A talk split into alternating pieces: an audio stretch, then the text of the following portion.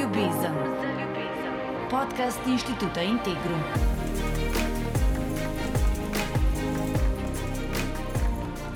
Pozdravljeni v deseti epizodi podcasta Inštituta Integrum Pogum za ljubezen.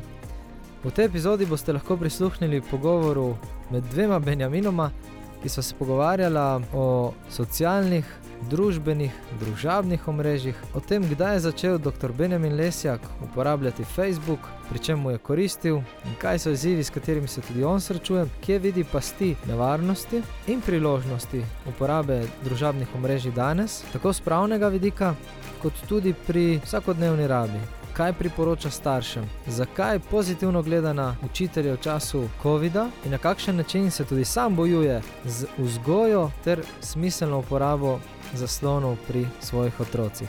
Upam, da boste v podkastu uživali, predvsem pa da vam dal kakšno misel za razmišljanje ter vas opogumil za celostno vzgojo in za pristne odnose na področju ljubezni.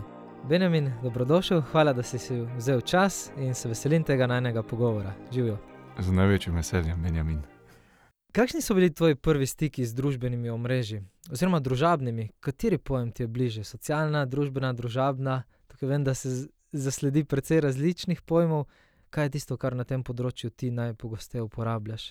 Ja, to, se, to sem pred časom tudi šel brati, kaj uh, jezikoslovci tudi o tem govorijo. In so pravzaprav vsi trije izrazi so ustrezni, se pravi socialna omrežja, uh, družbena in družabna omrežja.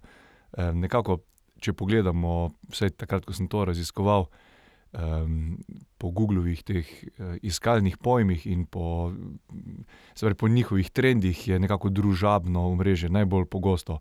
Najbolj pravilno bi bilo družbeno omrežje, socialno pa zaradi tega iz angleške social networking, ne socialno omrežje.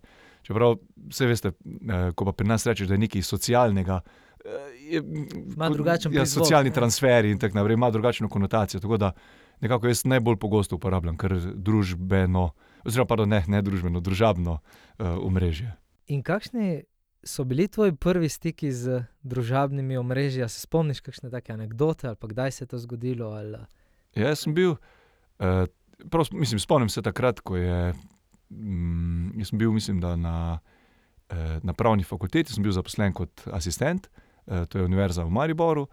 Uh, in takrat sem, smo nekaj slišali, da ja, je nek Facebook, nekaj, nekaj se dogaja. To je bilo, ok, prej so bili še tisti začetki, MySpace, pa, eh, pa še to bi mogoče omenil. Pa nisem uspel doslej še najti sogovornika, ki bi mi dal odgovor na to. V Sloveniji je bila ena, eno tako imenovano tekstovno. Družabno omrežje, reklo se je zveze.net, zveze.net.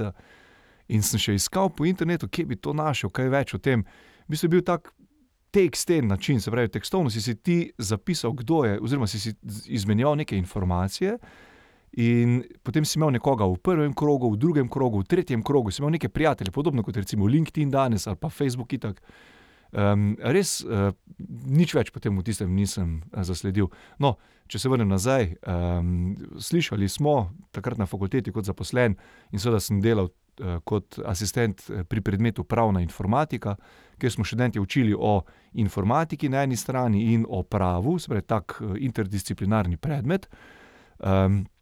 Seveda, v prvih letih smo takrat bolj opismenjevali pravnike, da so znali v Wordu tipkati, pa, pa recimo iskati neke pravne vire na internetu. In seveda smo vse te informacije v zvezi z nekimi družabnimi omrežji, seveda sem jih jaz vse čas spremljal in sem jaz takrat. Um, se priključil temu Facebooku, mislim, da imam od leta 2007 ali 2008 imam svojo prvo objavo, ki se jo da še vedno poiskati uh, v tej kronologiji Facebooka. Uh, in takrat se spomnim, da sem jaz, pravzaprav tudi vse moje študente, ki so bili takrat, pravzaprav mogoče pol generacije ali pa ena generacija mlajši od mene, sem bil tam, recimo, plus malo pred 30 leti, uh, in tudi študente so tam, recimo, tam 20 plus let. Um, In smo se vsi povezali tam na Facebooku, ne? študent je, profesor, oziroma asistent takrat. In moram priznati, da takrat, takrat smo se vsi pogovarjali, koliko prijateljev imaš. Jaz imam 100, ti imaš 200, aha, uh, ti imaš 300 prijateljev, o, jaz pa šel že čez 500 prijateljev, wow, noro. No, kar, kar bi rad izpostavil, je, da vsi tisti moji prijatelji iz tistega obdobja, uh, zelo cenim to zbirko uh, tega, če lahko rečem, takega utopičnega ali romantičnega, romantične uporabe Facebooka, ker to so zdaj vsi ti. Takratni moji študenti so zdaj priznani pravniki iz Maribora in pravzaprav po celotni Sloveniji. In če jaz karkoli, recimo, da rabim kak na svet, uh, jaz se obrnem na Facebook, ker lahko tam poiščem tistega mojega prijatelja, nekdanjega študenta in se bo v hipu odzval. Imam pravzaprav to poklicno uh, okolje, mislim, da imam, ne, niti ne vem, koliko imam sedaj prijateljev na tem Facebooku, uh, ampak vse nekje 500 do 1000 teh pravnikov, nek tak, taka, tak, tak moj krok, kamor se lahko obrnem hitro po nasvet, recimo, kaj mi lahko pomagaš, kaj misliš v tej zadevi, kaj bi to naredil. In se kar obrestuje ta, ta prvi romantični del uporabe Facebooka. Spravi, ima eno v bistvu pozitivno konotacijo, uporabo tudi danes še. Uh, ki je lahko koristna. Ne? V bistvu socialna mreža tukaj je predvsem velika, pa enostavna tudi za komunikacijo. Ne? Ja, predvsem z tega poklicnega vidika, seveda. Uh, ok, fajn je pogledati tudi, ko nekdo dobro pivo spije, ali pa recimo kdo poje neko super jed, ali pa ne vem, eh, gre na neko potovanje in se pohvali. Vse to luštno videti, ampak za iz tega odkrito rečeno ne delam več. Že po mojem, na zadnje je nek tak. Taka objava, ki sem jo naredil v zvezi z neko zasebnostjo, je bila, mislim, z mojim zasebnim življenjem, mogoče 5-6 let nazaj. E, mogoče se motim, bi moral iti pogledat, ampak Kar se tiče poklicnih zadev, je pa Facebook uh, zdaj zelo uporaben, predvsem za organizacijo nekih dogodkov, recimo širjenje nekega znanja, pridobivanje nekih informacij o nekih člankih, nekih novostih. Ne na zadnje, tudi dan danes se ga veliko uporablja tudi za prodajo stvari. Za, če grem recimo teč na pohorje, na areh. Je prva stvar, ki je, grem pogledat na uh, pohorski tekači, na Arehu ali nekaj takega, neka skupina in dobim tam iz prve vrste, takoj dobim informacije, koliko je snega na Arehu in ali se mi splača, ali se mi ne splača, kako je stanje. Recimo. Uporabno, posodobljeno. Ne? Seveda, ampak treba je povedati, da tukaj na Facebooku smo predvsem, lahko rečem, starci. Odrasli, se pravi, nekdo, ki je zaposlen, ki eh, pravzaprav porabi nek denar, ki ima nek budžet, in seveda temu se poleg teh uporabnih informacij, se mu da tudi kakšen glas, kakšna ponudba, in da pač potem porabi tisti denar, in da Facebook od tega živi. Izpostavil si kar nekaj teh pozitivnih lastnosti, ki se mi zdi, da jih je potrebno se zavedati in tudi znati uporabljati koristno. Ampak tukaj verjetno je v zadju tudi kakšna past ne, pri socialnih omrežjih. Ja, seveda, na prvo žogo se ti zdi, da je vse ok. Um, če znaš stvar uporabljati. Jaz sem ravno na poti, danes sem. Uh, sem poslušal en super podcast enega podjetja uh, iz Amerike, ki se ukvarja ravno z to zasebnostjo in varstvom osebnih podatkov, kar je zelo velik, uh, zelo veliko zanimanje tudi pri meni, tudi pri mojem poklicnem življenju se veliko ukvarjam s tem. Je razlagal ravno ta vidik Facebooka, ko je v eni izmed izjav uh, ustanovitelj Facebooka uh, rekel, da imamo samo eno identiteto. In Facebook si želi imeti to eno, mene, celega, eno identiteto, ampak ne, ni res. Jaz sem doma, sem oče, v službi sem, ne vem, uh, vodja, uh, ne vem, na eni fakulteti sem profesor, kje drugje sem, ne vem, svetovalec, nekje sem učitelj, nekje sem pedagog, tukaj sem sodelavec, potem sem prijatelj, potem sem športnik. To imam jaz take, tako okolje, imam in jaz nočem, da ena platforma ve vse o meni. Ampak Facebooku in seveda vsem tem družabnim omrežjem in vsem tem platformam je v interesu, da poznajo celega mene. Zakaj poznajo celega mene? Zato, da mi ponudijo nekaj takega, da bom jaz potem zagotovo tisto kupil in da bodo oni dobili svoj delček pri tej transakciji. Ali je morda to vplivalo tudi na kar si prej izpostavil, da v bistvu zadnjo zasebno objavo si naredil kakšne že leta nazaj? A te spremlja ta tako zdrava skepsa ali pa kritičnost že od začetka, oziroma ko si izpostavljal to romantične prve stike, je bilo takrat malo bolj uh, odprto, ali ravno zaradi te tvoje pravne podlage si pristopil previdno do teh stvari že od začetka? To je zelo dobro vprašanje, ker sem se sam tudi sprašval o tem, zakaj sem nehal objavljati stvari na Facebooku, na Instagramu in tako dalje, ker pač imam vsa ta državna mreža. In pa kaj pa vem, mislim, bolj ko razmišljam o teh zadevah, ali je to zdaj čist pravno gledano, ker pač pazim na svojo zasebnost, da ja ne bi kdo drug vedel, kaj več meni. Preprosto mislim, odgovor bo mogoče koga presenetil, ampak rad sem s svojimi otroci, otroki. Nimam cajta za te stvari, ker je brez veze.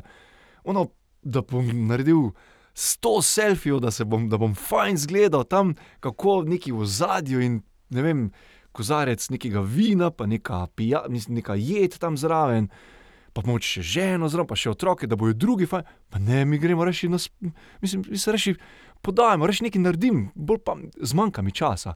Nimam se časa s tem ukvarjati. Je pa res, da je bilo pa fajn, da sem to delal, da sem spoznal, kako to funkcionira, kaj vse je treba narediti. In šele pred kratkim so me eni študentje me naučili, kaj pomeni story. Razlika med objavo in med storijem. Mislim, vse vem, ne, nekako poznam te, uh, vse te mehanizme, ampak ono, taka najbolj pomembna raz, na razlikovanje, ker tisto nekaj izgine in potem ne zgine, to vse, kar, so, kar je pač Facebook po- pograbil od Snapchata, ki je bil takrat, uh, oziroma ne vem, koliko je še v uporabi. Um, ampak ja, uh, zakaj sem nehal? Deloma seveda zaradi tega, ker se zavedam vseh teh posledic, po drugi strani pa nimam časa, mislim, brez veze se mi zdi porabiti čas za to, ko ga lahko porabim za drug namen. Si raje prisoten v trenutku, tukaj in sedaj. Ne? Seveda, veliko lažje. Pa, po drugi strani eh, moram pa priznati eno stvar. Ja. ena, ena taka moja, pa ne bom rekel, da sem zasvojen s tem, ampak je, je fajn občutek. Uh, namreč eno državno mrežo pa, pa kar striktno uporabljam in tudi objavljam fotografije. Uh, recimo, ko grem, ko laufam peš na pohorje, pa ko naredim neko kolesarsko rundo, potem z največjim veseljem to objavim na stravi. Ne vem, če poznaš ta uh, Ja, šport. kolesarsko pa tekaško. Ne? Ja, tako, tako. Ja. Pa tudi včasih, recimo, če gremo na kakšen izlet, sicer otrok, uh, ponavadi, če, da bi bili prepoznavni, nikoli ne objavim, ampak recimo kako obris, da smo pač z družino, šli nek, ne vem, neki, neki izlet ali kaj takega. To pa dam še kako fotografijo, da popestrim tisti map, kje, se pravi zemljevid, kje smo hodili, kako hitro smo hodili. Ali pa recimo sam, ko se vozim s kolesom, ker res tudi sem strasten kolesar, zelo rad kolesarim. Uh, in uh, vidim, kje sem se vozil, in potem prilepiš še fotografijo, recimo čudovito polje in zadaj nek, neko vzhajajoče sonce in veter gre preko žitnega klasja. Vete, se mi zdi, kakšne take stvari, take cukrčke, pa je fajn podeliti z temi mojimi prijatelji, ki so na stravi. Sem tu govorimo o manj kot sto ljudeh, a ne, to je res ozek krok. Uh, Prijateljev, s katerimi recimo tudi skupaj časi gremo na kakšno rundo ali pa kakšno izlet ali pa kakšno športno aktivnost. Tukaj se mi zdi pomembno prav to, no, da znamo uporabljati za dobre namene in se zavedati, kako lahko nekomu tudi neko spodbudo damo na določenem področju, tudi prek družabnih omrežij, ampak po drugi strani pa to, kar si prej izpostavljal, ne, kako se kupuje naš čas, pa tudi denar, kako nas želijo posrkati z vsem, kar smo. Verjetno ne za naše dobro, predvsem. Ne, tako da je kar izziv. Ja, to, uh, točno to, ko si rekel, da kupujejo naš čas. Spravi, kupujejo naš čas s tem, da kupijo našo pozornost. Jaz hočem imeti tvojo pozornost. In, lete, mislim, čisto odkrito povem, jaz tudi se včasih uh, se že odpravljam spat, pa rečem, a če ki to še moram narediti. Pa nekaj moram še pogledati, in potem kliknem, in kot bi mignil, mine pol ure, greš, ker zna Facebook in Instagram znajo nastaviti ko ti pade tista koncentracija, da bi še, a zdaj pa ni več zanimivo, tuf ti dajo neko tako vsebino in ti scrollaš. Vse to se moramo, se pravi, se pomikaš po ekranu navzdol. In to se moramo zavedati, to so taktike, ki, se pravi, to scrollanje, to je ta gib. Je enak, kot ga uporabljajo v Las Vegasu, v kazinoju, za, za ta slot mašina. Zink, zink, zink. In to, to, to, to, to so te ponavljajoči se gibi, ki ti dajo potem neke cukrčke in se pravi, vzbujajo tvojo pozornost, in ti je fajn. Ja. Ja, v zasvojitvenih elementih so, se mi zdi, ta družabna omrežja, kar samo opazujem, no, se ne vem, če se bo strinjal, ampak z evolucijo teh iz Facebooka, nekako prek Snapchata, Instagrama do TikToka danes, je vedno močnejše, se mi zdi, nastavljeno to sproščanje dopamina potem na, na hitro. Zanimivo ko sem letos z različnimi, mislim, da vse petimi ali šestimi skupinami študentov, sem eno tako uh, mini anketico naredil ob uvodnem srečanju. Pa recimo, da je to, uh, si upam trditi, recimo uh, N, se pravi vzorec uh, teh študentov.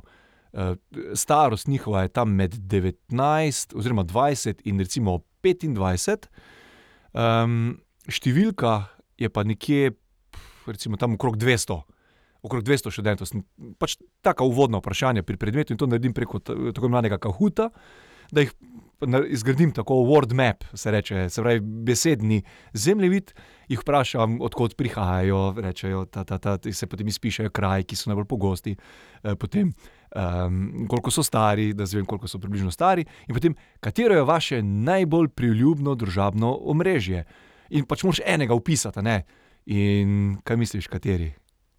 Pri starosti 20, no, jaz bi med Instagramom in TikTokom bil gibal. Instagram, top, vedno v vseh skupinah, številka ena Instagram. Ravno zaradi tega dopamina, kot, kot si ga omenil. Profesionalno se ti ukvarjaš z varstvom osebnih podatkov tudi, že od začetka. To je nekako nastalo, oziroma skupaj z mano je to raslo. Od začetka moje poklicne kariere uh, sem več poudarka dajal, v tistem romantičnem delu razvoja socialnih omrežij, oziroma družabnih omrežij, um, se še nismo toliko sprašvali o zasebnosti. Vse, mislim, ta, to, to področje je že prej obstajalo, varstvo osebnih podatkov, to je že, mislim, to so res od kraj kraja, se, je, je to že neka pravna panoga, ampak ni imela toliko. Toliko pomena, recimo med študenti sem jo vedno omenil, to varstvo zasebnosti, pa pomen osebnih podatkov, pa ta, ta ustavna določba um, o, o zakonitosti obdelave, pa potem v povezavi s tem tudi tako imenovana komunikacijska zasebnost, ki v nekaterih državah imajo to samo eno tirno, mi imamo recimo dvotirno to rešeno. Um, in uh, vedno sem to omenjal, ampak nikoli nisem šel res glo, globoko, globoko v to, ker pač to je bil del tako imenovanega predmeta uh, pravna informatika, ko smo pač poskušali vse te, uh, vse te um, vidike, pravne vidike, ki so v povezavi z informacijsko družbo. Uh, izpostaviti, predvsem elektronsko poslovanje ali pa recimo telekomunikacije, to je bilo prej veliko bolj v spredju. Uh, v današnjem času pa uh, se pravzaprav na to področje varstva osebnih podatkov, vsa ostala pravna, vse ostale pravne vede v povezavi z informacijsko družbo zelo, zelo povezujejo. Ker, zakaj se to dogaja? Je zato, ker večina poslovnih modelov, ki so dan danes, tisti poslovni modeli, ki nekaj delajo, so osnovani na osebnih podatkih. In žal, potem mimo tega ne moremo iti. In zaradi tega tudi vse te, uh, uh, vse te aktivnosti znotraj Evropske unije, GDPR, se pravi splošna uredba o varstvu podatkov, um, in vse te, vse te spremembe zakonodaje po celotnem svetu, ko države sprejemajo podobno zakonodajo, kot je bila ta sprejeta 2016 in potem z letom 2018, 25. maj, ko se je začela tudi uporabljati. Se pravi, je tvoje področje dobilo bistveno uh, poudarek v zadnjih letih in na pomenu te digitalizacijske družbe, in uh, tudi na v bistvu, ja, razširjenosti, ne, na širini. Seveda, kot rečeno, dan danes.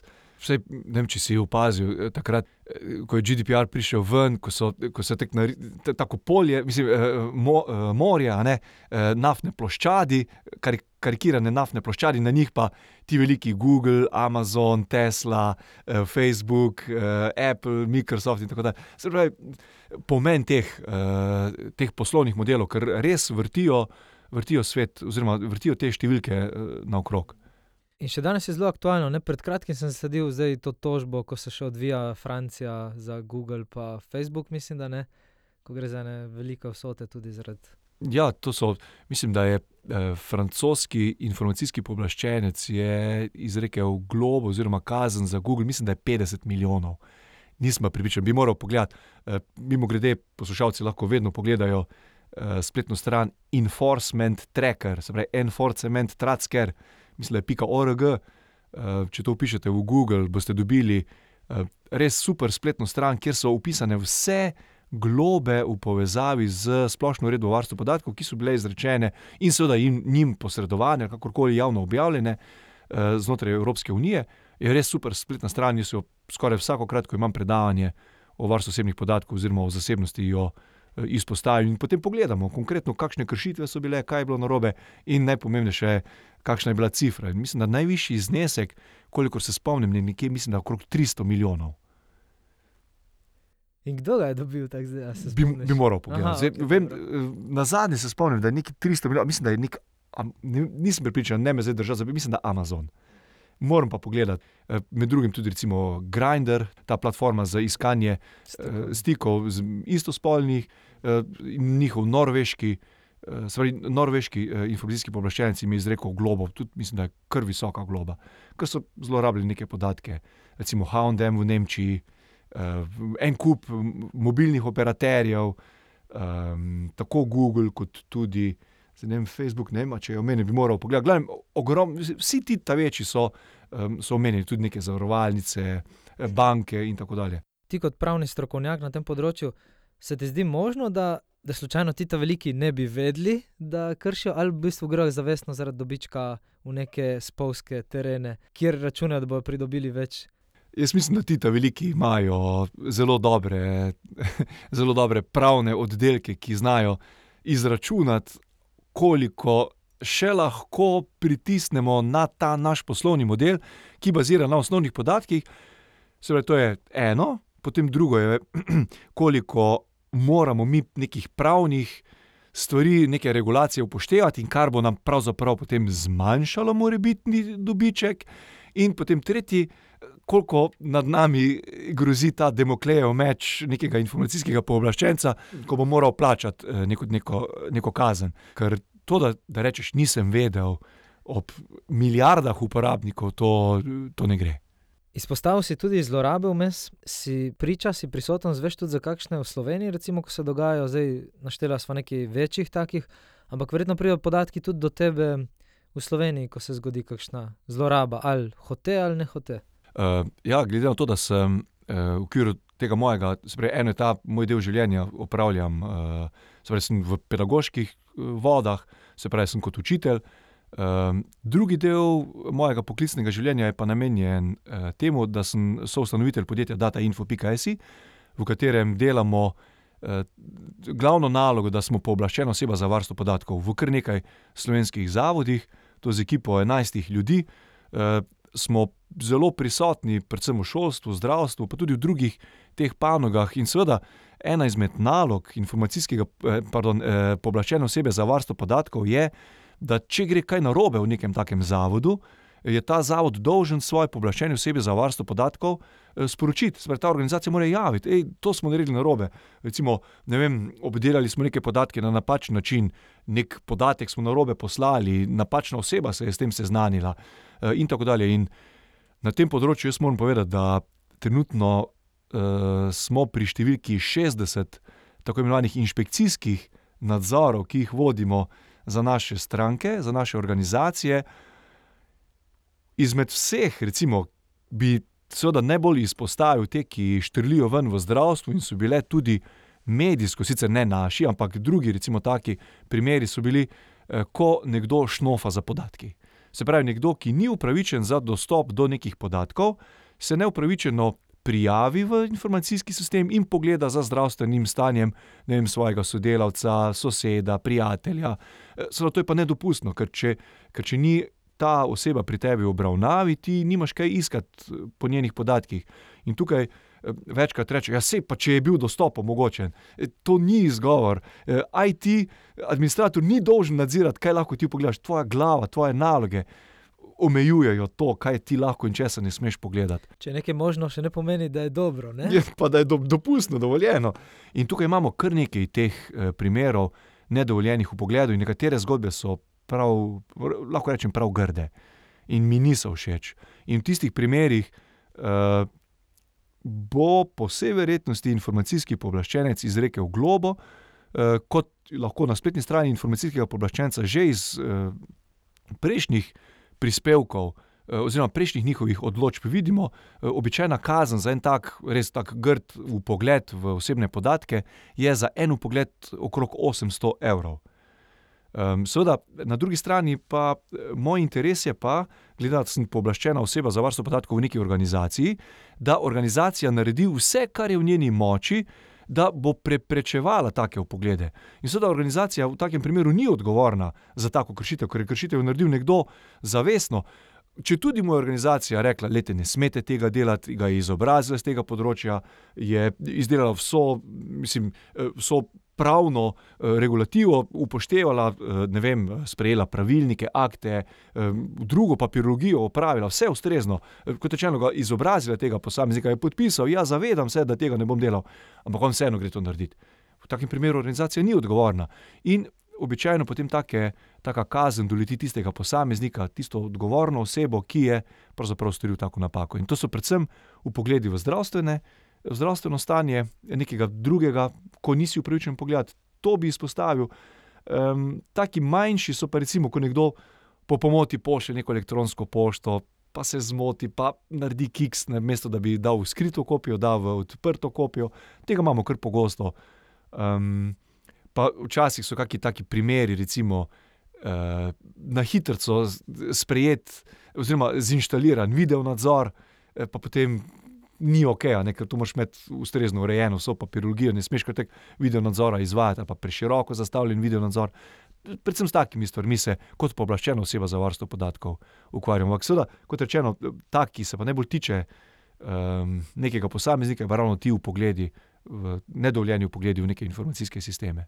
Kako je pa med mladimi, v bistvu zdaj z vsemi temi posredovanji? Tukaj se dosta ukvarjamo z vprašanjem spolnosti pri inštitutu Integrum in vem, da zdaj tudi s porastom teh uh, sextingov, pa različnih sporočil s spolno tematiko, vsebino je prišla tudi kakšna zgodba, tako zelo težka, ranljiva do nas, ko ja, se je zlorabljala, pa kakšna bivša zveza, pa potem je šlo to naprej. Tudi kaj takega slišite, oziroma verjetno ne tako poklicno, ampak sicer pa pride tudi kakšna zgodba do tebe, oziroma primer. Ja, moram reči, da v zadnjem času res do mene, kakšne tak, konkretne take neke zgodbe, ni prišlo, ker večinoma teh zadev, bodi si da se sfiltrira že na uh, Centru za varnejši internet, SafeC, oziroma pri uh, sorodnem projektu, uh, uh, že, uh, Spletno oko, uh, kjer se konkretno ukvarjajo s temi posnetki spolnih zlorab otrok in sovražnim govorom. Um, glavnem, pri SafeC, na katerega se lahko seveda mladi, kot tudi odrasli, se pravi starši, učitelji, obrnejo v primeru nekih težav. Um, zagotovo seveda izpostavljajo take, uh, take probleme.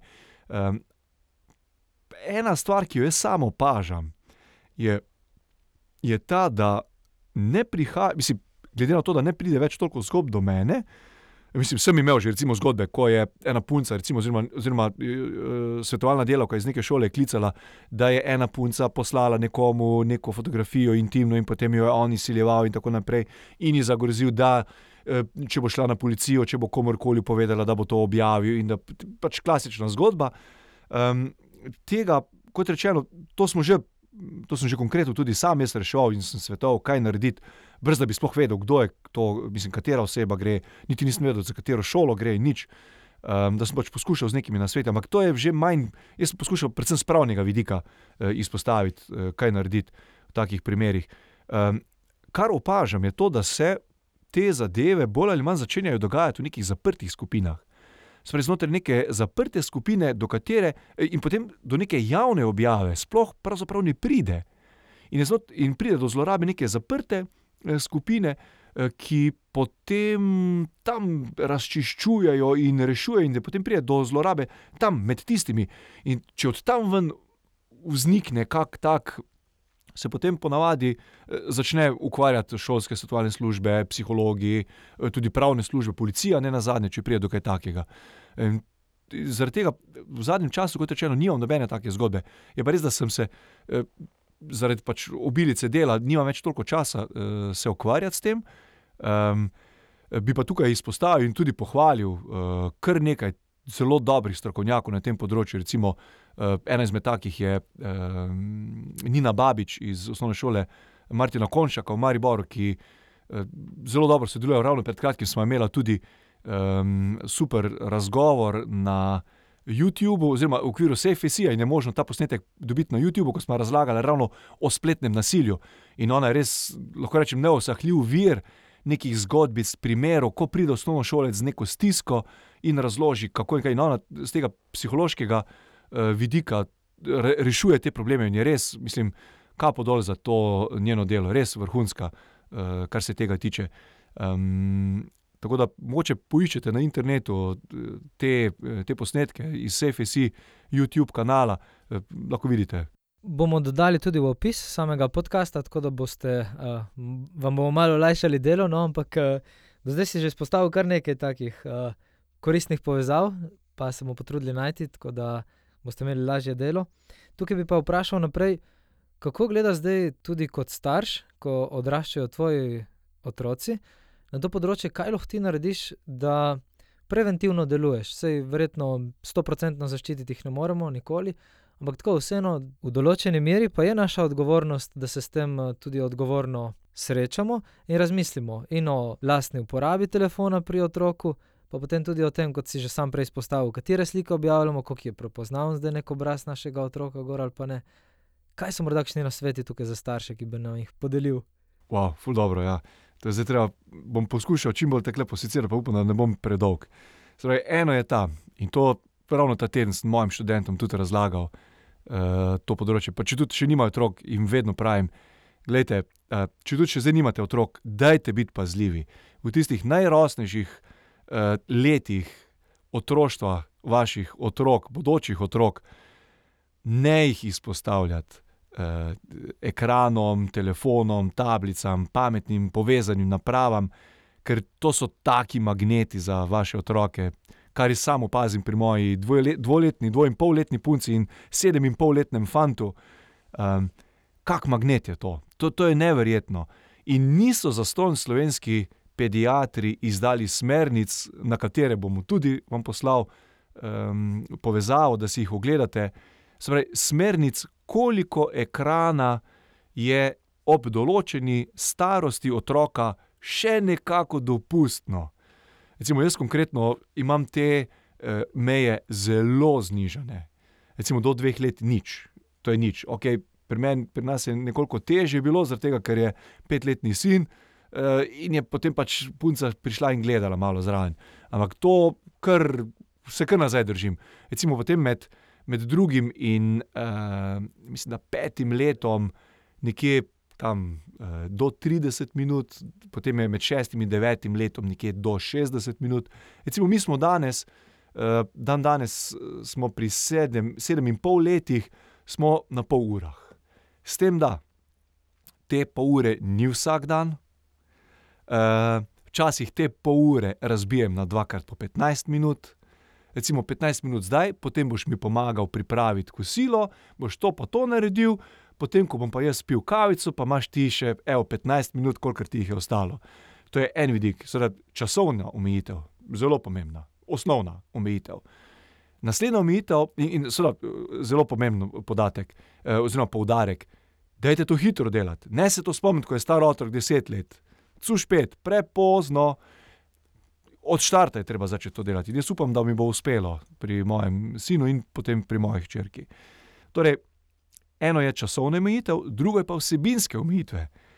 Kaj lahko dela z vašim telefonom, oziroma svojo tablico ali kakršno koli tablico in kakršnimi koli vsebinami, katere vsebine mu boste dali? Jaz, jaz recimo, pred časom je moj sin začel igrati neko igrico, ker se je, recimo, v enem tednu se je zverziral v nulo, jaz nimam teh hitrih refleksov. In potem se je hudoval nad staro tablico, da ni utegnila zaznati njegovega giba v levo in desno, in je pravzaprav je prav hudoval se je, ker ni šlo tako hitro, kakor je on, ker pač je star procesor.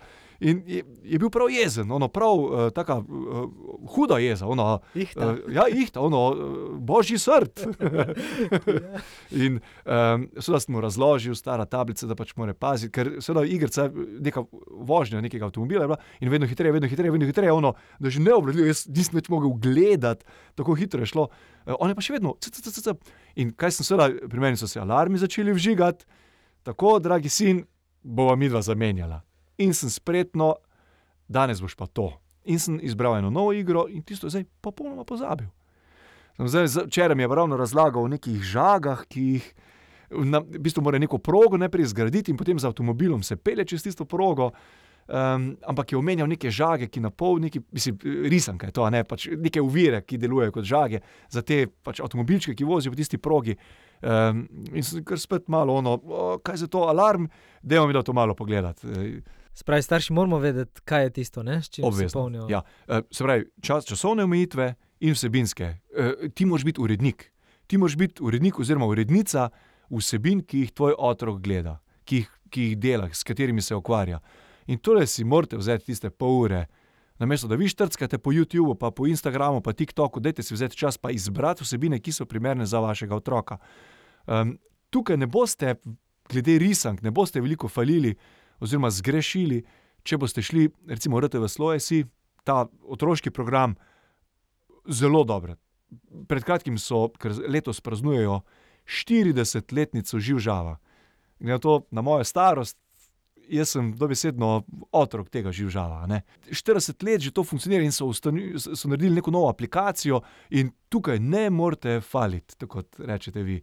Super stvari, ker so uredniško oblikovane, če pa posadite vi otroka pred Youtube, vprašanje, kaj vse bo v tretji, četrti igrici oziroma četrti, nekem posnetku, do česa bo prišel vaš otrok. Zdaj marsikateri starš reče: "Ja, kaj pa Youtube Kids, to pa je super." Še vedno ni neke človeške roke oziroma oči, ki bi odbrala: to je dobro, to pa je slabo. To so vse neki algoritmi in ni nujno, da boste naleteli na dobro izbiro. Ni nujno.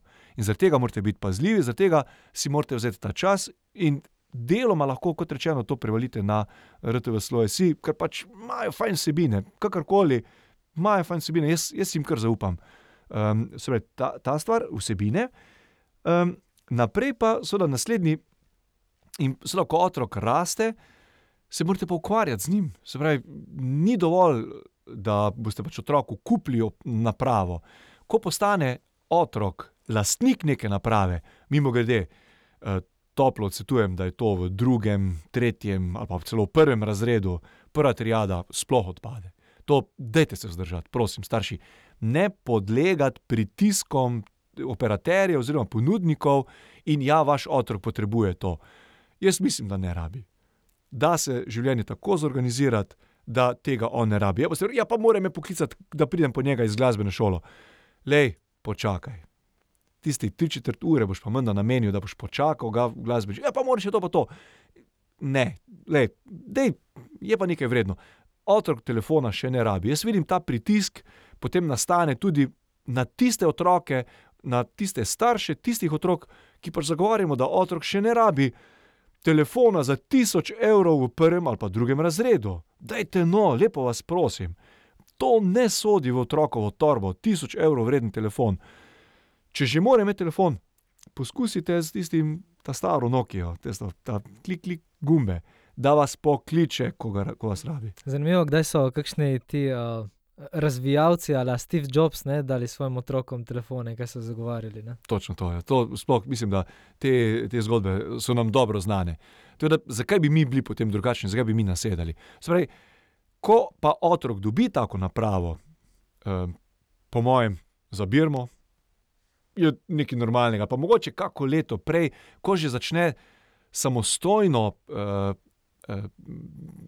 v bistvu tako hoditi v šolo, neke popoldanske, take, drugačne aktivnosti, ko se izkaže, da res nujno potrebuje, pa nenazadnje tudi mogoče že za neko delno navezovanje stikov s svojimi sošolci in se že malo zaveda. In ko pa mu date neko tako napravo, seveda ne boste vi samo tisti financer, investitor. Ne, ne, ne, vi morate biti nadzorni organ. Vi morate biti nadzornik tega, tega gradbišča. Ne samo keš dati. Nadzirati gradnjo. kar pomeni, da kot prvo sklenete neko pogodbo, vsaj na en papir napišete, kaj se sme in česa se ne sme delati s takim telefonom. To je zelo pomembno. da vi otroku poveste: "Glej, dragi sin, draga hčerka, s telefonom lahko narediš veliko dobrega in veliko slabega. Prosim, to ne, to ne, to ne, to ja, to ja, vedno me vprašaj, recimo v času tega uvajanja v, v, v uporabo telefona, aplikacij in tako naprej, je treba vedno, se pogovarjati z otrokom, kaj je, kaj je to geslo. tako kot si prej omenil, katere fotografije sodijo, katere ne sodijo, kaj lahko pošljem, kaj se lahko zgodi z neko tako fotografijo, ko bom jaz recimo v kopalkah. Ali pa tudi, kaj se lahko zgodi z mojimi fotografijami, recimo, če je dvesto ali pa petsto mojih fotografij ali pa neki video, kaj se zgodi z nekim takim videom. Kako lahko, kako ga lahko neki moj sošolec, kateri me ne mara, kako ga lahko predrugači. Ga vzame, napiše: "To je to je tisti kreten iz tistega razreda," nariše nekaj zraven, me nariše v neki čudni pozi, doda mojo fotografijo, doda neke čudne, ne vem, osebe iz zgodovine, kakorkoli, neke porno vsebine. tudi s tem, ko ti čisto nedolžne vsebine objavljaš, lahko pride do teh zlorab. Tako da, je treba res, res premisliti, kaj bom poslal, kaj bom objavil. Recimo, konkretno, zdaj moj sin trenutno. eh, Ne vem, kako je prišel na to idejo. Je rekel, a ta dema mi dva, nekaj bi posnel, pa da bi potem vsi to videli. To je zdaj njegov tak draž. In zdaj trenutno sem mu dal nek eh, naš. Leče v PR vode. ja, ne vem, kaj bo. Gledam, dal sem mu um, starejši fotoaparat in zdaj z njim on snema film Jurski park. Uh, v bistvu snema, pač snema te tako grozljive prizore, ko dinozauri, sorry, pač ima rad dinozaure, skočijo tam v tisti objektiv, in potem še drugi, in potem se nekaj dogaja, in jih ima tako v ograji, posname vse to. V bistvu, eh, samo posnetki so, ni za nič, da bi kaj montiral, to še ne, ampak nekje razvijam. In zadnjič je pa prišel potem do tega, kako bi se lahko jaz to, da bi vsi to videli. Se pravi, nekje je že dobil ta impuls, da je treba na YouTube dati. Se tukaj je ta čut v bistvu za, za povezanost z neko okolico, z neko družbo, z neko pripadnost, v bistvu je kar en pomemben eh, segment, element, eh, poleg tega dopaminskega, ki si ga prej izpostavil za samo uporabo teh stvari. Ne? Res priporočam staršem, da razlikujejo med kdaj so vaši otroci samo uporabniki, tisti, ki samo nekaj prejemajo. Mislim, prejemajo, to je prejemanje predobra beseda za to, kjer so dobesedno pasivni. Uh, uživalci tega dopaminskega, uh, tega šusa, kako ne rečem, tega, tega ugodja, ko samo gledajo in se nič ne dogaja. Drugo pa je, ko vaši otroci nekaj ustvarjajo s pomočjo informacijske tehnologije, s pomočjo teh naprav, ko zmontirajo nek video, ko se posnamejo pri nekem nastopu, ko naredijo nek trik eh, ne vem, z rolko in na tak način se posnamejo, ko delajo, ko ustvarjajo produkte. Tisto je pa potem drugo, ali pa ko naredijo nekaj v realnem življenju in to ovekovečijo z nekim filmom, posnetkom in tako naprej. Tisto je pa treba spoštovati. Takrat je v bistvu samo podpora, ne, na nek način, da to lahko koristno pol jih žene naprej. Še. Da je to pač eden izmed, lahko rečem, pedagoških, takih vzgojnih pripomočkov in da to ni center družine, ni center, uh, center našega življenja. Ampak ob tem, ko si prej izpostavil, da starši moramo biti nadzorniki, ne, ko damo, sem, če sem te prav razumel, v tvojih besedah zaznal tudi to, da ne gre samo za nadzor tistega s palcem, ampak da, da gre tudi za tistega, ki daje zgled, ki v bistvu z njimi se pogovarja o tem, kako uporabljati, kaj se lahko zgodi. V to smer si mislil. Ne? To si zelo dobro izpostavil. To je pa še ta zadnji vidik, eh, ki ga je obvezno treba poudariti pri nas, starših, uporabnikih. Um, odkrito rečem, mene je sram, ko dobim klic, pa smo popoldan in potem dvignem telefon in se javim. In potem me sin in hčerka me pa gledata, kaj je to, fotor, kaj delaš. Ono, kaj, kaj je tako pomembnega na tem svetu, da bi se z nami igral. In to mi je res težko. In ponavadi, če je res kaj nujnega, se pač potem umaknem, grem na hodnik ali pa na stranišče in potem tam opravim tisti klic, ampak poskušam res ono čim prej ono stran. In tukaj otroci, tudi ko sem imel neke delavnice, še pred leti eh, na osnovnih šolah za osnovnošolce, ko so rekli, mama se je z mano pogovarjala, prijela je klic, pol ure je ni bilo in potem ni več vedela, kaj smo se pogovarjali. Je rekel, to me pa moti.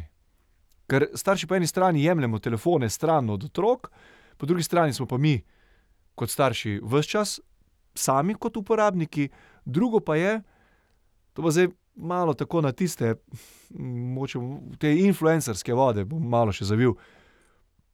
Ko moram jaz prikazati, da smo idealna, perfektna, super oh in sploh družina, in potem to objavljam, kako imamo rojsten dan, kako je ta mali to naredil, kako je ono naredil, tretji naredil. Torej, to je en tak, če lahko rečem, nekoliko še nedolžen vidik. Drugo je pa potem, ko jaz mojega otroka zavestno uporabim kot poslovni model za služenje. Se pravi, da na plečih zasebnosti, na plečih eh, identitete mojega otroka, pravzaprav eh, nek denar ustvarjam. Vse vem, nekako je treba zaslužiti denar, ko gre mesec naokrog, ampak tukaj mi je pa manj problem, tega, ker ko enkrat vzamete otroku zasebnost, mu je ne morete več vrniti nazaj. Ti posnetki bodo nekje obstali, ostali in otrok, ko bo star 15, 14, 15 let, vprašanje, kako bo on dojemal te objave, ko je on odpakiral neko Lego kocke, ko je on eh, poduhal neko kremico, ko se je on šel stuširati z nekim šamponom in starši so rekli, ja, ta šampon je pa res odličen. In to imamo res celoten poslovni model, ta influencerji starši in influencerji otroci, katerih te kanale vodijo njihovi starši. To pa, to smo zelo zadržani. Zakonsko gledano, eh, država pravzaprav ne more čisto nič. To, to sem ravno ta, vike, eh, ta vikend, to jesen, sem imel eh, na eh, eni konferenci eh, in sicer e-zlorabe otrok, vsakoletna eh, konferenca, se pravi letošnja eh, 2021 v okviru projekta Spletno oko, vsako leto priredijo, sem imel ravno prispevek na to temo. Se pravi, kaj lahko, kakšni pravni vzvodi obstajajo za nekoga, ki pravzaprav objavi vse o svojem otroku. Se pravi, jaz sem zakoniti zastopnik svojega otroka in jaz lahko pravzaprav o njem vse ustvarim. Karkoli. Obstajajo, obstaja, obstaja regulativa, ko mene neka platforma zavezuje, pravi, mene kot ponudnika neke platforme me zavezuje, da če se nekje en otrok pojavi, da jaz moram paziti na tega otroka, kaj on objavi, in mu moram dati vse pravice, da se tiste stvari izbrišejo. Da jih te ni, recimo, da nekaj objave, ki jih je nekdo kot otrok dal, da se izbriše, se pravi, otrok sam. Z vidika starša, ta relacija, starš, otrok, pa neka platforma, tule pa nisem, ne vem, a, a sem narobe iskal, nisem našel ustreznih pravnih podlag, ki bi to omejevali. Nekaj malega piše. Tako splošno v tem eh, družinskem zakoniku, da smo starši odgovorni za celovito, tako ono, tretjo, razvoj otrok. Um, in da, recimo, če gre res kaj narobe, lahko pride do odvzema te roditeljske pravice. Sve ta starševska, starševska skrb, ampak parametri, oziroma te, eh, kaj pa spada pod to starševsko skrb, je zagotovo ni, da jaz objavim otroka na Instagramu, ko se popoldan toplega poletnega dne čofota v, na mojem vrtu in v nekem bazenčku. Ne, to ni starševska skrb, to je poseganje v njegovo zasebnost in to mi ni všeč. To mi ni všeč. In tukaj v zadju, kaj se zdi, da je tisto pri starših, kar v bistvu tako, uh, po eni strani brez glavo uh, žene. Ta želja po vem, zaslužku ali biti slaven, ali nekako tudi zaverovanost, da to otroku koristi, ali kaj. Ja, v, enih od, eh, v tem prispevku sem tudi navedel kar nekaj eh, statističnih podatkov, ene od raziskav na to temo, ker je recimo korona pa še posebej vplivala na to. Korona, ko smo bili zaprti v naših stanovanjih, so pač starši so veliko več začeli objavljati o svojih otrocih, ker pač niso imeli kaj dela, so bili zaprti in so potem rekli, ja, zdaj pa to naredil, zdaj pa to naredil. Sej to pomaga, to je res, da pomaga, ampak to gre na rovaš zasebnosti otroka in nimam čisto izdelanega še tega koncepta, zakaj to delajo. Ne vem, ali je to fajn, ali je to nekaj samoumevnega, ali je to, mislim, eno je zagotovo denar v zadju. Seveda, če imaš ti poslovni model tak, eh, seveda moš preživeti, moš plačati položnice, a ne, in dobiš potem neki denare za to, ampak narovaš otroka, me, me pa malo boli. Um, to, ker recimo so neki, neka ureditev je, kdaj lahko otroci delajo, v recimo nekih oglaševalskih, lahko tudi mlajši od 15 let nastopajo, recimo to neka taka. eh, Neki ti vidiki so eh, tudi zakonsko urejeni. To je child labor, ne? to je delovska sila otroci. To, je, to smo nehali se s tem ukvarjati v 18. stoletju, oziroma 19. stoletju. Ja, pa s tem, da tukaj posledice v bistvu so takšne, ki jih sploh ne moremo predvideti v polnosti. Ne? Ker se morda še beseda o tem, kako je s uh, shranjevanjem oziroma brisanjem polosplošnem objav. Ja, sej, eh, recimo, jaz imam možnost, zdaj po novi zakonodaji, ti, mi imamo vsi ta, eh, to pravico do pozabe. Spravi, vse tiste, za vse tiste podatke, oziroma tiste informacije, osebne podatke, ki, so, ki se nanašajo na me eh, in odkrivajo mene, eh, lahko jaz od tega obdelovalca, oziroma od tega upravljavca teh osebnih podatkov, lahko zahtevam, da jih izbriše. In če so bili dani prostovoljno, jih mora prostovoljno tudi izbrisati, nima, nima kaj drugega. Problem je pri tistih povezavah, ki so pogodbene narave. Recimo, ko se jaz obvežem in z neko pogodbo objavim nekaj. In seveda, jaz moram s tem, da izpolnim pogodbo, moram objaviti sliko, fotografijo otroka. Tam le, tam le je problem. Tisto, kar recimo eh, jaz nedožno objavim na Instagramu, tisto pač, okay, lahko zahtevam od Instagrama, da izbriše. Zdaj, koliko bo dejansko izbrisano tudi iz vseh strežnikov Instagrama, to je drugo vprašanje in s tem se niti nočem več ukvarjati, ker se mi zdi eh, brez veze oziroma brezplodno. Um, problem je tam, ko sem jaz z pogodbeno, z neko pogodbo obvezan, da objavim neko, neko fotografijo, razkrijem zasebnost otroka. Zdaj, nekdo bo pač rekel, ja, saj kaj, kaj pa je kaj takega, če je slika mojega otroka objavljena. Se pa ni kaj takega, še, fajn, še dobro mu bo, ker bo pač javno objavljen, ne ker bo znan, ker bo prepoznaven. mu bo pomagalo, da bo službo dobil, da bo sprejet na fakulteto. Ja, ne vem, kaj pa, ko ga bo, ko ga bo vem, za, tam bo imel probleme z sovrstniki, ko se bo norca delali ven z njega, ko ga bodo zbadali, ko bo te njegove fotografije na napačen način uh, interpretirali. To, nimam odgovora. Ja, to tudi jaz eh, poznam nekaj zgodb, ko so v bistvu kakšne porno igralke eh, svoje slike, fotografije, video posnetke želeli izbrisati ven, pol, ko so končale s kariero. In ravno zaradi teh pogodbenih uh, vidikov to ni šlo. In uh, rečejo, še vedno služijo na moj račun, jaz nimam nič, ampak uh, kljub temu, da sem želela spremeniti in to je to en del. Ki spremlja vse čas moje življenje. Pol. Danes štima, jutri pa ne več. In tukaj imamo starši veliko odgovornost, ta starševska skrb, skrb Jaz moram skrbeti za celovit razvoj otroka, ne samo danes, zdaj, ko te dam na Instagram, ko te dam na TikTok in tako naprej. Pa se mi zdi, tudi ni več tega luksusa, ali pa pač je, je nekako utvarjati tlačene glave v pesek, da bi si govorili, ah, itak otrok ve več od mene in to je to. Uh, se mi zdi to spremljanje, pa biti aktualen, se zavedati, no, kaj prinaša celostno je del naše odgovornosti starševske. Mari kateri starš mi reče, pa se je, jaz mu moram dati telefon za tega, da bo znal to uporabljati in da, in da, in da ne bo kaj zamudil, ker vsi njegovi vrstniki že imajo.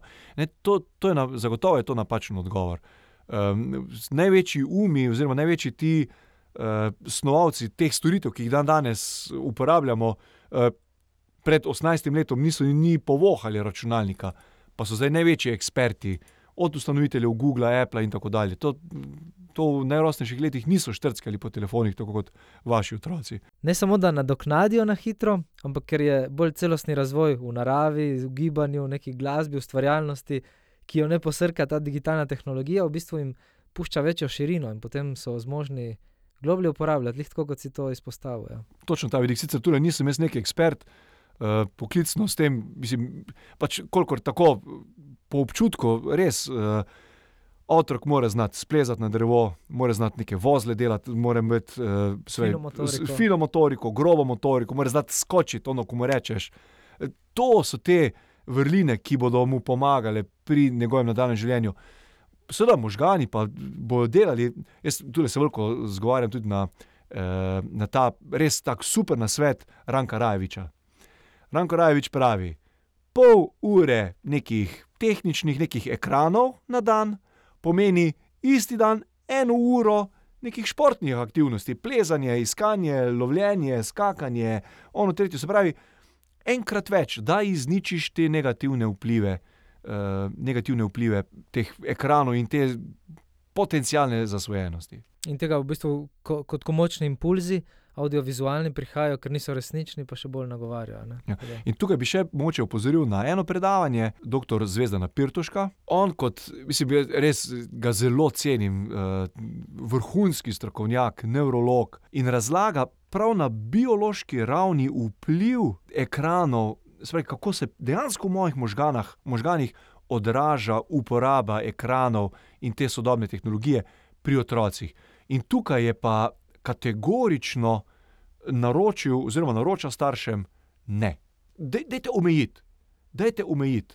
In pa kakorkoli, ko je sam se vidi, mislim, iz njegovih predavanj je sodeč, da podpira eh, tehnologijo, da je za to, je pro tehnologija, se pravi, je, eh, um, ko pa pride do uporabe eh, ekranov v najrosnejših letih otroštva, v prvih letih otroštva, ne, se pravi, omejiti eh, časovno po teh smernicah, eh, ki so jih pediatri izdali. Kako je pa z različnimi družabnimi omrežji? Med njimi je kakšna razlika? Tukaj vem, da je zdaj malo morje tega, kar uporabljajo mladi. Starejši smo bolj na tisti Facebook variant, ampak to, kar pride, tako, kar si se mal poglabljal, pogledal, ne vem, Snapchat, TikTok, Instagram. Je bolj ali manj isto, so kakšne razlike? Zdaj, Facebook kot tak, se moramo zavedati, Facebook je zdaj ponovem, uh, je to produkt, ki, ki je v lasti tako imenovane meta. Po številu uporabnikov je to daleč najbolj razširjeno državno mreže, 2,7 milijarde uporabnikov, potem mislim, da mu sledi, mislim, da je YouTube, um, potem pa na tretjem mestu, mislim, da je Instagram, pa Eh, zdaj bi moral pogledati eh, lanske podatke, oziroma eh, podatke iz leta 2020, sem, sem jih imel na zadnje. Um, ampak hočem reči, da ta meta ima med prvimi desetimi, mislim, da ima vse svoje glavne produkte. Spravi Instagram, oziroma Facebook, Instagram, Messenger, WhatsApp, eh, ja, to je to, ja, te, te štiri. E, to so top šest ali top sedem. No, potem imamo še kot rečeno TikTok, pa, pa Snapchat, pa kaj še potem, uh, no, potem so še ti manjši. Uh, v smislu uh, te Sina Weibo, pa te, ti kitajski QNQ, kot jih mi sploh vemo, ne, pojma nima, pa kaj že imajo oni, uh, ta kitajski zelo dober. Oziroma, um, šlo mi je z glave, zdaj bi moral pogledati to razpredelnico. Glavnem, bistvena razlika med temi je pač vsak doma neke svoje feature. Zdaj, TikTok vem, da deluje na tej, na tej instantnosti. Se pravi, ta espresso, sp, sp, a je šlo cak, cak, na hitro pride nekaj minut, ali koliko je pol minute, ali koliko je posnetek in ta dopaminski šus, tuf, preleti, tuf, preleti. Podobno, recimo tudi Instagram, nekaj takega, ki je veliko teh uh, poslovnih trikov, ki jih je uvedel Snapchat, uspešno prenesel, prenesel in zadržal svoj krok uporabnikov in ga seveda tudi razširil. Zanima je Snapchat ali v zatonu ali v porastu. Eh, obstajajo različni vidiki. Zato, ko uporabljate tak, eh, tako državno omrežje, je dobro vedno pogledati, kje so vaši podatki. Običajno so ali so na Ameriki ali pa so na Kitajskem. Ti, ti dve sta ta veliki. Zdaj, edino, če, še, če poslušate glasbo in uporabljate Spotify, potem so vaši podatki na švedskem. Krasno, spravi, nikjer v, v bližnji okolici jih ne moramo iskati, ne, kar se tiče fizično. Uh, gre pa res to na vzven, predvsej v bistvu. Potem. Ja, ti podatki pravzaprav niso več uh, pri vas. To, to so neki podatkovni centri. Vprašanje je, koliko bi bilo možno še priti do teh podatkov, oziroma zahtevati njihov resničen izbris, tudi v skladu z to GDPR uredbo. Mi, bom tako rekel, v pravnih dokumentih je vse zapisano, ne? koliko pa dejansko to je izvršeno, vprašanje. E, bi pa mogoče upozoril še eno stvar, kjer pa nikako ne smemo vreči puške v koruzo. E, ko pa gre nekaj narobe, recimo, da se odkrije neka protipravnost, neka nepravilnost, neka protizakonitost, ne na zadnje, moče celo izvrševanje nekega kaznivega dejanja, organi pregona imajo pa eh, posebna vrata, na katera lahko potrkajo in rečejo: Dober dan, zgodilo se je to in to, ali nam lahko, prosim, date podatke. O tej in tej zadevi, ki se je zgodila takrat in takrat, in pod tem in tem nekim IP naslovom, kaj se je zgodilo. Nam lahko kaj več poveste o tem. Eh, tukaj pa imajo, vsej strani recimo Facebooka, imam uh, informacije, da je možno pridobiti te podatke. Spravi, da organi pregona uradno, ko gre za neki narobe, da je možno pridobiti eh, ustrezne informacije in potem speljati nacionalne neke sodne postopke s tem v zvezi. To pa, to pa je možno. Torej, dejansko nekje je shranjeno, ne to, da ja, se lahko ja. pristopa v vsakem primeru. Ebenem in ful, hvala za vse te dodatne vidike. Uh, pa osvetlitve, pa tudi povezave. No? Se bomo res potrudili zapisati spodaj, tako da bo uporabno. Se mi zdi ta pozornost, pa spremljanje na tem področju je nekaj tako vsakdanjega zdaj za nas, da so razmišljanja po eni strani dragocena, po drugi strani morda celo malo strašljiva za koga, ampak nujno pa. Da se mi zdi, da kot odgovorni starši, da spremljamo na tem področju, kaj se dogaja. Tako da tukaj bi te morda povabil za konc, kakšno spodbudo, misel, če nam podeliš tako, uh, kaj tebe nagovarja, ali pa kaj ti ostaja, ali pa kar ti najraje podeliš naprej. Uh, tistim, ki smo recimo vzgojitelji, ali kot učitelji, ali kot starši, pa se srečujemo tako ali drugače z uporabo tudi družabnih omrežij, z uh, načinom obdelovanja podatkov. Tako, kaj je morda kakšna spodbuda za na koncu? Najprej bi rekel, vse pohvale, bi izrekel vse pohvale učiteljem, da so uspeli nekateri učitelji dobesedno v nekaj tednih Eh, ob začetku korone eh, se premakniti iz.